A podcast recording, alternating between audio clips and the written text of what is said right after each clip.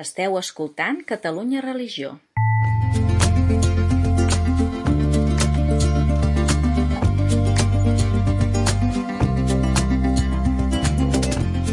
Converses en la frontera, un podcast de Gabriel Jaraba i Xavier Morlans.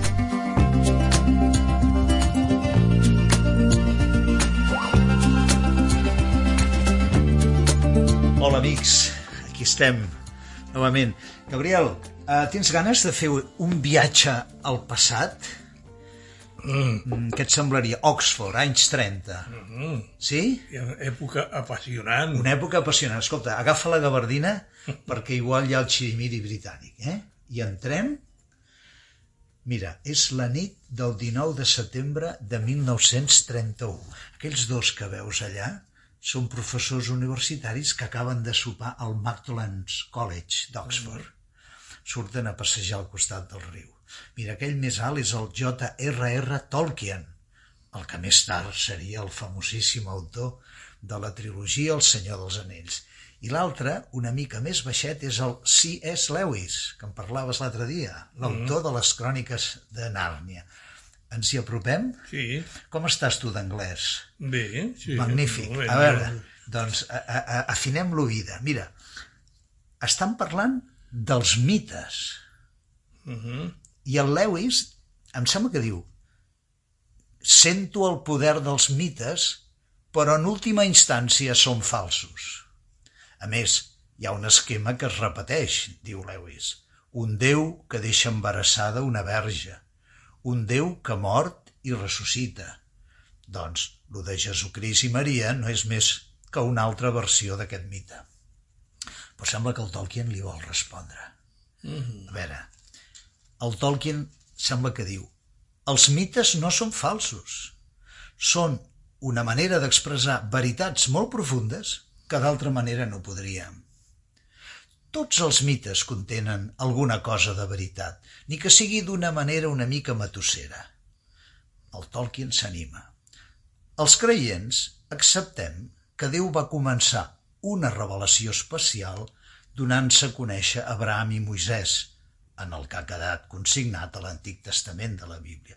Doncs també podem creure que Déu va suscitar una mena d'avenç de la seva revelació suscitant en la ment dels poetes els mites pagans que serien com un esbós, un esborrany. I ara ve el pas més difícil de donar, amic Lewis, diu Tolkien. És que Jesucrist és finalment el mite fet realitat per Déu. El mite fet història. Gabriel, em sembla que aquests en tenen per estona, eh? Jo m'estic pelant de fred. Si et sembla, tornem a casa. Tornem a l'escalforeta oxfordiana. Pels lectors que vulguin contrastar-ho, aquesta conversa, que no era de dos sinó de tres, però l'hem simplificat, està en aquest magnífic llibre de Joseph Pearce, Pearce, Tolkien, Hombre i Mito. Tolkien, Hombre i Mito, de Joseph Pearce, a Barcelona, Minotaure, l'any 2000. Aquí hi ha aquesta conversa. Què et sembla, aquesta conversa, Gabriel? Em sembla interessantíssim i el que més em sembla d'interessant és que aquesta, aquest coneixement profund que tenien ells com a erudits de, del mite com a tradició literària uh -huh. i filosòfica, si s'escau, eh, era molt minoritària en aquell moment, als anys 30. Era reduïda a àmbits acadèmics i dintre d'aquests àmbits acadèmics mmm, diguem-ne que mm, molt elitistes, eh? Són, això són cercles de 10 a 15, de 15 persones. O sigui, la majoria devien pensar que els mites són, són falsos, són, són relats primitius. Sí, a veure, és molt curiós. Eh, jo crec que hi ha confusions. Per exemple, tothom ha sapigut tota hora que els mites eren falsos.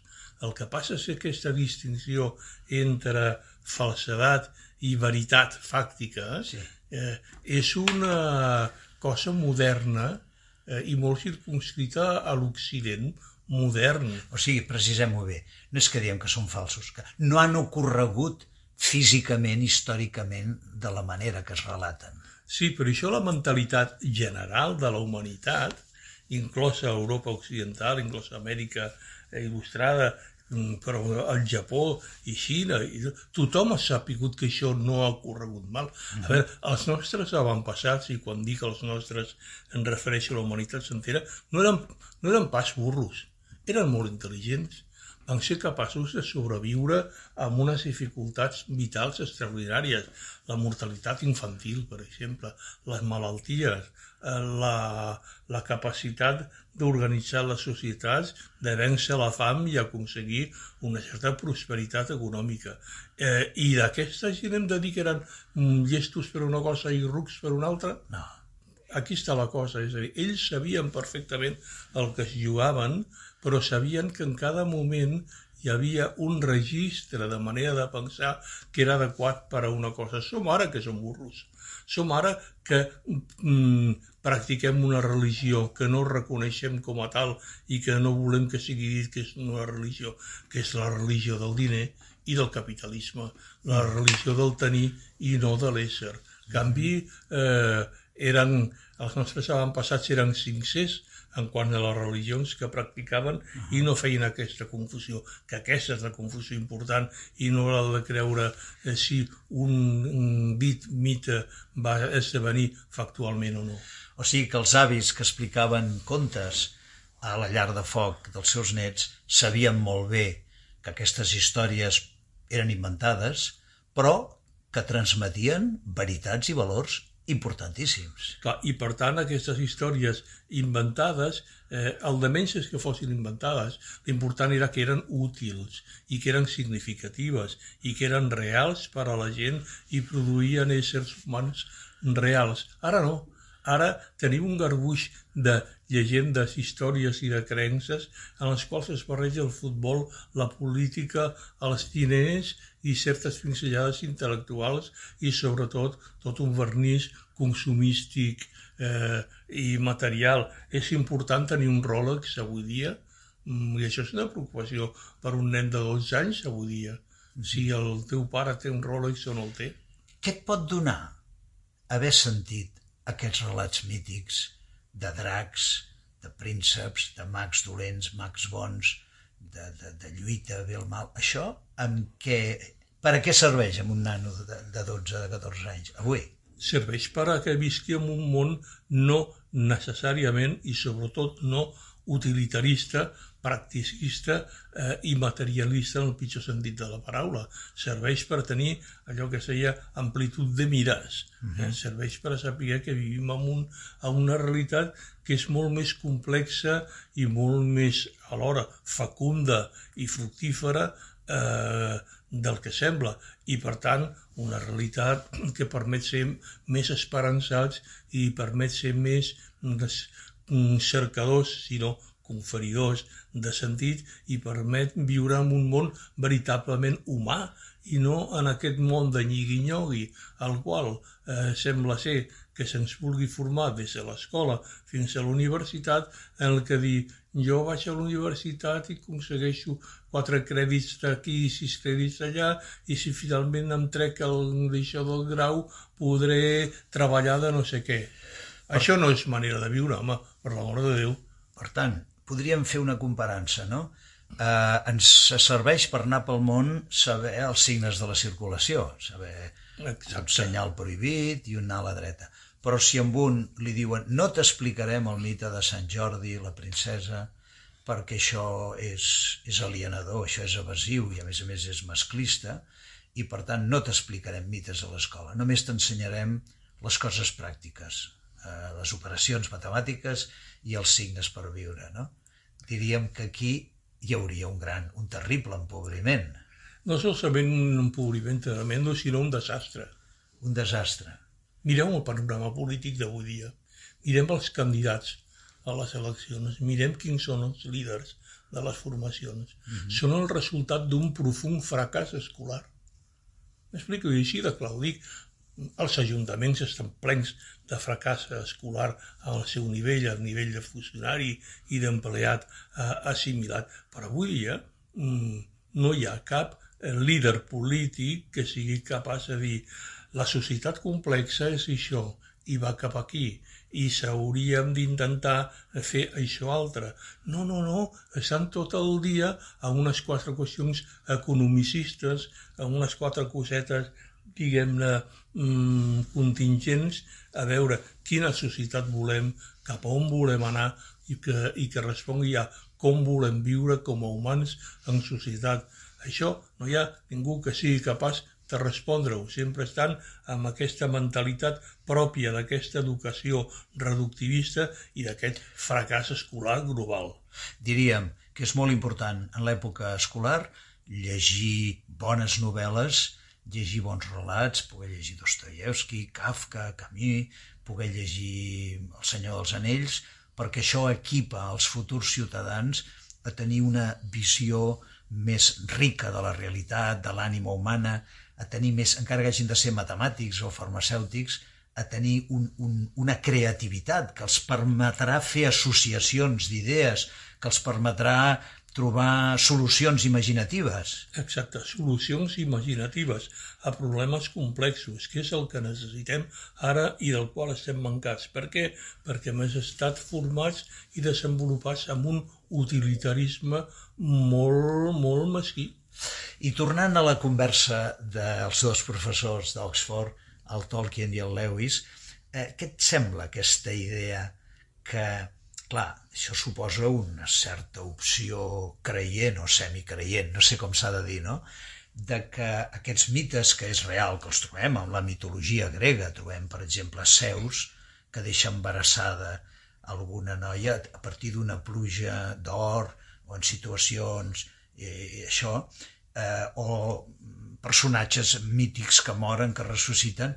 Aquesta idea de Tolkien de dir, bueno, això d'alguna manera pot ser que el Déu que més tard es va revelar al poble d'Israel, o simultàniament, estava també suggerint o, o, o fruit d'aquesta aquest, divinitat. Hi ha element, eh, no sé si lligaria també amb el tema dels arquetips, però vull dir, considerar des del punt de vista creient, no menys prear, sinó valorar els mites pagans fins i tot com una pre-pre-revelació d'allò que després, quan arribarà eh, Jesucrist creiem que és la, la plenitud, fins a aquesta expressió una mica provocativa de dir que Jesucrist és el mite del Déu que s'encarna i ressuscita, però fet realitat.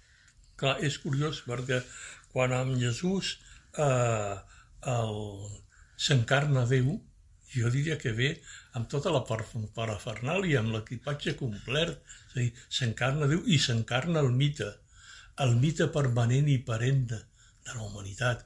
Els medievalistes, i aquí estic pensant en Victoria Sirlot, eh, filla del gran Juan Eduardo Sirlot, i molts altres medievalistes nostres, eh, Laia d'Ahumada, per exemple, uh -huh. jo diria, ells creuen, si no creuen, sí persegueixen o admiren una certa tradició perenne, que no sé si és la tradició d'Aldous Huxley o de les tradicions esotèriques eh, europees. Quan dic esotèriques em refereixo a que no són tradicions cristianes, però sí que són tradicions espirituals internes que, es, que estan arrelades amb aquesta antiguitat. No?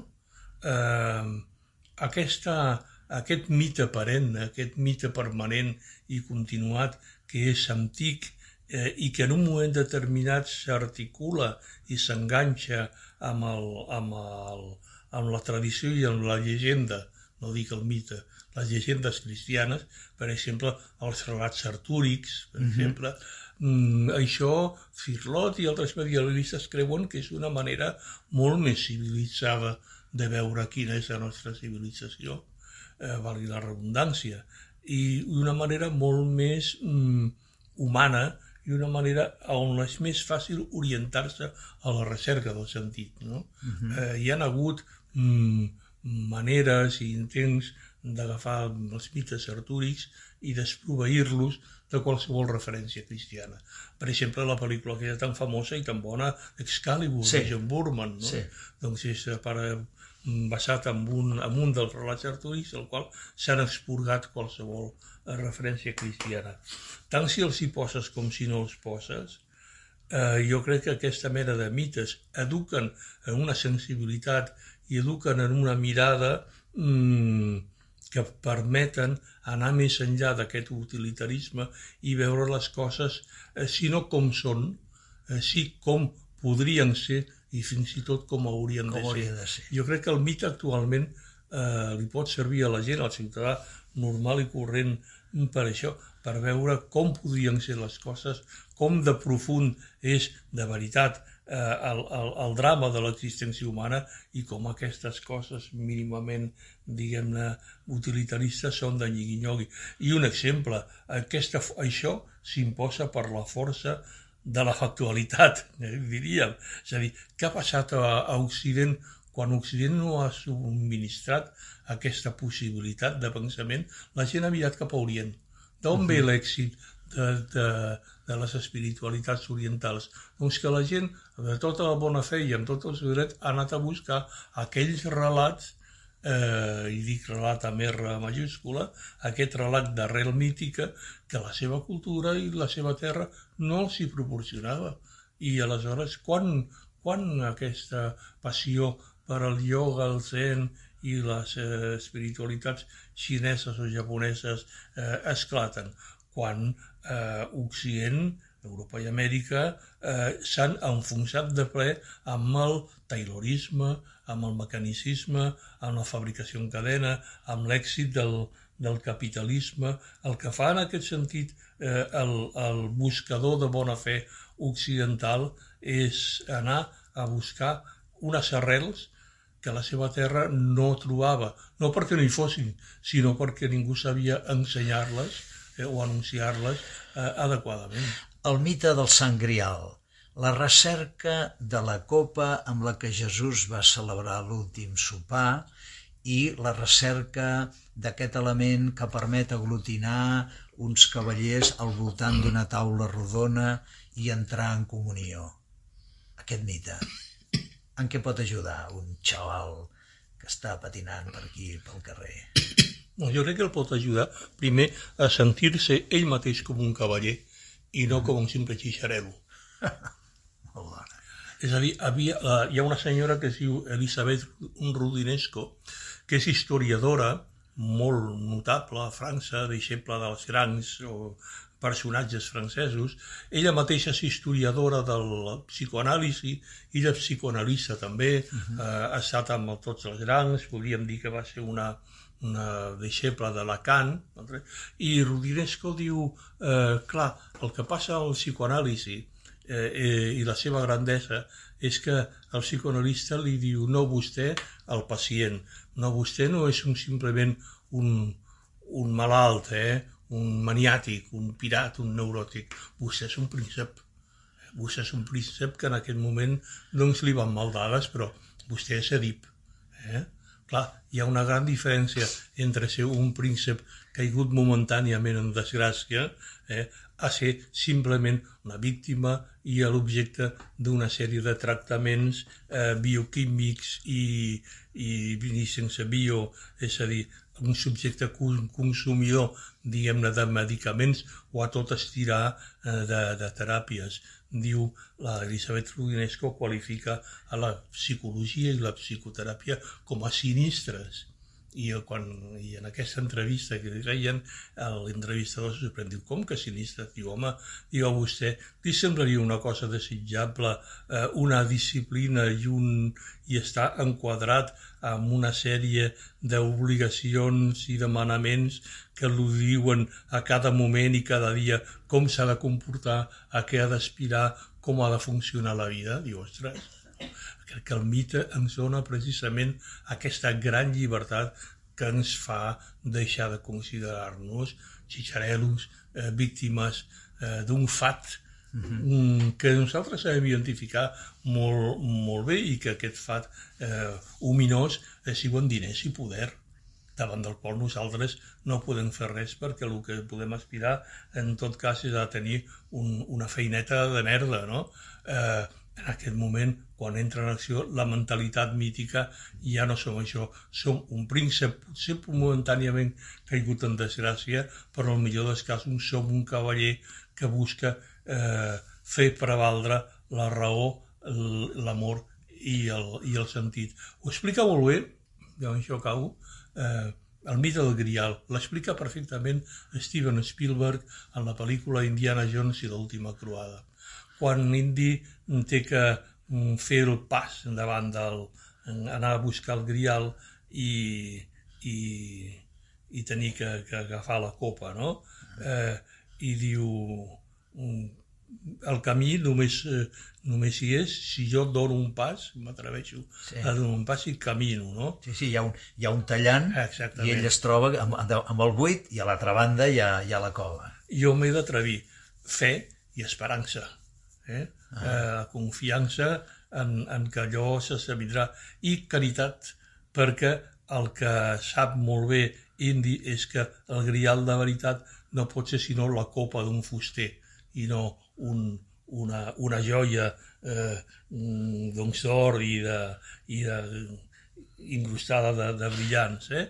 I aleshores el que li diu el mestre i el que li diu el mentor és eh, la pregunta és sempre aquesta, aquesta, a qui serveix el grial? I aquesta pregunta de qui serveix el grial és una pregunta que està a tots els mm, mites literaris artístics moderns, a les pel·lícules, als llibres, eh, Harry Potter sobretot, però també la Guerra de les Galàxies, la pregunta, al veure-se a si mateix com a cavaller i com a acte seguit pensar a qui serveix el, el grial i fer tot seguit és una, diguem-ne, paideia meravellosa de la fe, de l'esperança i de la caritat. L'esperança jo sé que m'estic enrotllant, però acabo una mica. L'esperança és una cosa que aquests dies pot ser significativa. Eh, fan, no plou, hi ha una sequera tremenda, es presenta, la gent diu anem a fer una rogativa, anem a fer una professió, i tothom va i serveix a la professió, menys un nen que tenia fe. I com sabem que tenia fe? Perquè va anar a la professió amb paraigües. Total, que els mites i els nous mites que tu sempre ens fas aterrar a la Guerra de les Galàxies Indiana Jones estimulen en l'espectador, eh, l'inviten a un cert heroisme, a prendre una actitud més èpica en la pròpia vida, a erigir-se en defensor de la veritat, de la justícia, a no ser un ciutadà anònim que cau aclaparat sota el destí de que, mira, no, no té feina i no en tindrà, no? Aquesta Exacte. seria una de les Exacte. de les bondats del, del mite. Exacte, i sobretot perquè tu has dit la paraula destí. Eh, L'Europa il·lustrada i Europa occidental en general eh, ha tingut molt mala peça al teler amb el concepte de destí. Què és el destí? És a dir, què és el destí i què és, en canvi, la providència. No?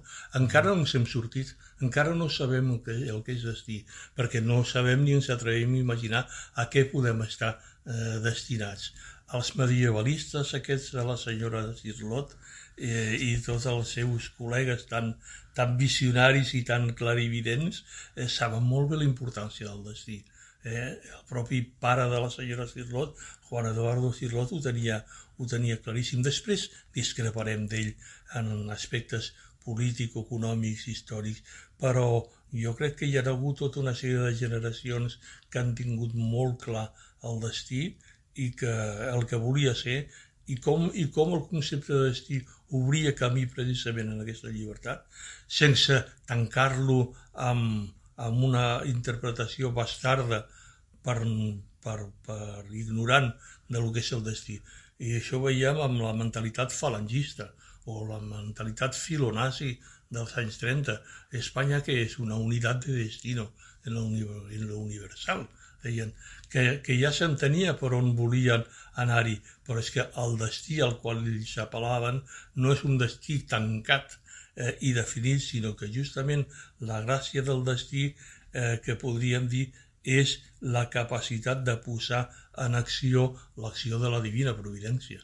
Per tant, el concepte de destí que defensaríem aquí és un destí obert, no pas predeterminat, i en el que sí que hi ha una providència o un pla, no? una història de salvació que per part de la divinitat es vol potenciar, però sempre queda clar que l'individu té un marge de llibertat eh, que és el que depèn d'ell també, no? de, de, de moure fitxa, d'intentar superar-se, confiant que hi ha aquesta, aquesta divinitat, aquesta providència. Sí, és curiós. Aquesta confusió i aquesta oposició entre destí obert i destí tancat és present a la cultura europea des de l'antiguitat. És a dir, Edip, que ho has esmentat abans, mm -hmm. no té manera de sortir mm -hmm. d'aquella condemna que acaba caient-li a sobre com una llosa. No? Matarà el seu pare i es casarà amb la seva mare. Exacte, no? I, i passa. Exacte, i, i però al mateix temps el, el, el destí mm, obert torna a aparèixer de moltes maneres, no? I ens dona, i ens dona eh, camp per veure la possibilitat d'acció. Per exemple, avui dia el, el destí, eh, en el cas d'Edip, per exemple, ja no s'expressa com el, el, el concepte de l'oposició pare i fill, dels fills que maten el pare. Això va passar, diguem fins a, a la caiguda de la societat burgesa del segle XIX. Avui dia el destí mm, no és el complex d'Edip, sinó el complex del Caïm, el matar-se entre germans. Uh -huh. I avui dia doncs, mirem l'actualitat internacional i veurem el complex de Caïm en tota la seva plenitud. Uh -huh. I però pensarem alhora que aquesta que algú hem avançat, no? I que, i que això sí que ens s'obre el camí amb una acció i el camí a una pressa, a una prisa en xale, amb una pressa en, en consideració i a càrrec de, de poder mm, fer alguna alguna cosa. El concepte, el, el complex de Caín és molt més favorable i molt més obert que, que qualsevol altre que ens mantenia donant voltes sempre a la mateixa maledicció. I jo crec que mm, la humanitat, malgrat tot, ha sapigut mm, moure's cap a una, cap a una capacitat d'obrir camí eh, que és realment sorprenent amb aquesta evolució. Avui dia, ara hi ha una cosa que, es, que escandalitzarà molt, que és que estem vivint la millor època del món l'època mai hi havia hagut tanta pau, tanta prosperitat, tantes possibilitats de desenvolupament. Agafem tota la mm, problemàtica del món, la posem en una olla i mai haurem vist la manera racional i pràctica d'agafar tot això i donar-li la volta i tirar-ho endavant. Però no, i em referiré a una cosa molt senzilla. Quan s'hagués imaginat que es podia acabar amb la fam a la Xina? I Xina ha donat de menjar al, al, al seu poble. I jo no sóc precisament pro-xinès en lo mhm. polític ni amb l'altre, eh? Mm -hmm. però és que després això es torna a repetir amb Índia. A mi els nacionalistes indis que ara manen, doncs, que vols que et digui, no? I Narendra Modi em sembla un oportunista mm, de la pitjor espècie, però Índia ha sapigut i està sapiguent alimentar a la seva població que fa només 30 o 40 anys eren vista com els pàries més pàries de la Terra. Acabem amb un consell, amics. Us aconsellem la lectura de bons textos, de bons relats, de bones novel·les o el visionat de pel·lícules com, no sé, l'última d'Indiana Jones, que tal estarà ara que s'està acomiadant el Harrison Ford? Jo els veig eh, tant amb el Harrison Ford, però sobretot a Steven Spielberg, els veig molt, amb el cap molt clar. Uh -huh. Jo crec que saben molt bé el que s'estan portant entre mans eh, i jo crec que saben que aquest detall de fer mm, coprotagonista i successora d'alguna manera a, a, a la figura de l'Indiana Jones, aquesta mena de nebó, de seva, uh -huh. eh, eh, això dona molt sí, i, i un exemple de clarividència és la posada en primer pla i en protagonisme d'un personatge femení, d'una heroïna femenina. Teníem la princesa Leia sí. de la Guerra de les Galàxies, -huh. teníem això, però aquí tenim una cosa que promet ser molt potent i jo estic a l'expectativa de veure com és. Ja ho sabeu, amics, identifiqueu-vos com a prínceps, com a herois, i de les limitacions de cada dia. I és la propera.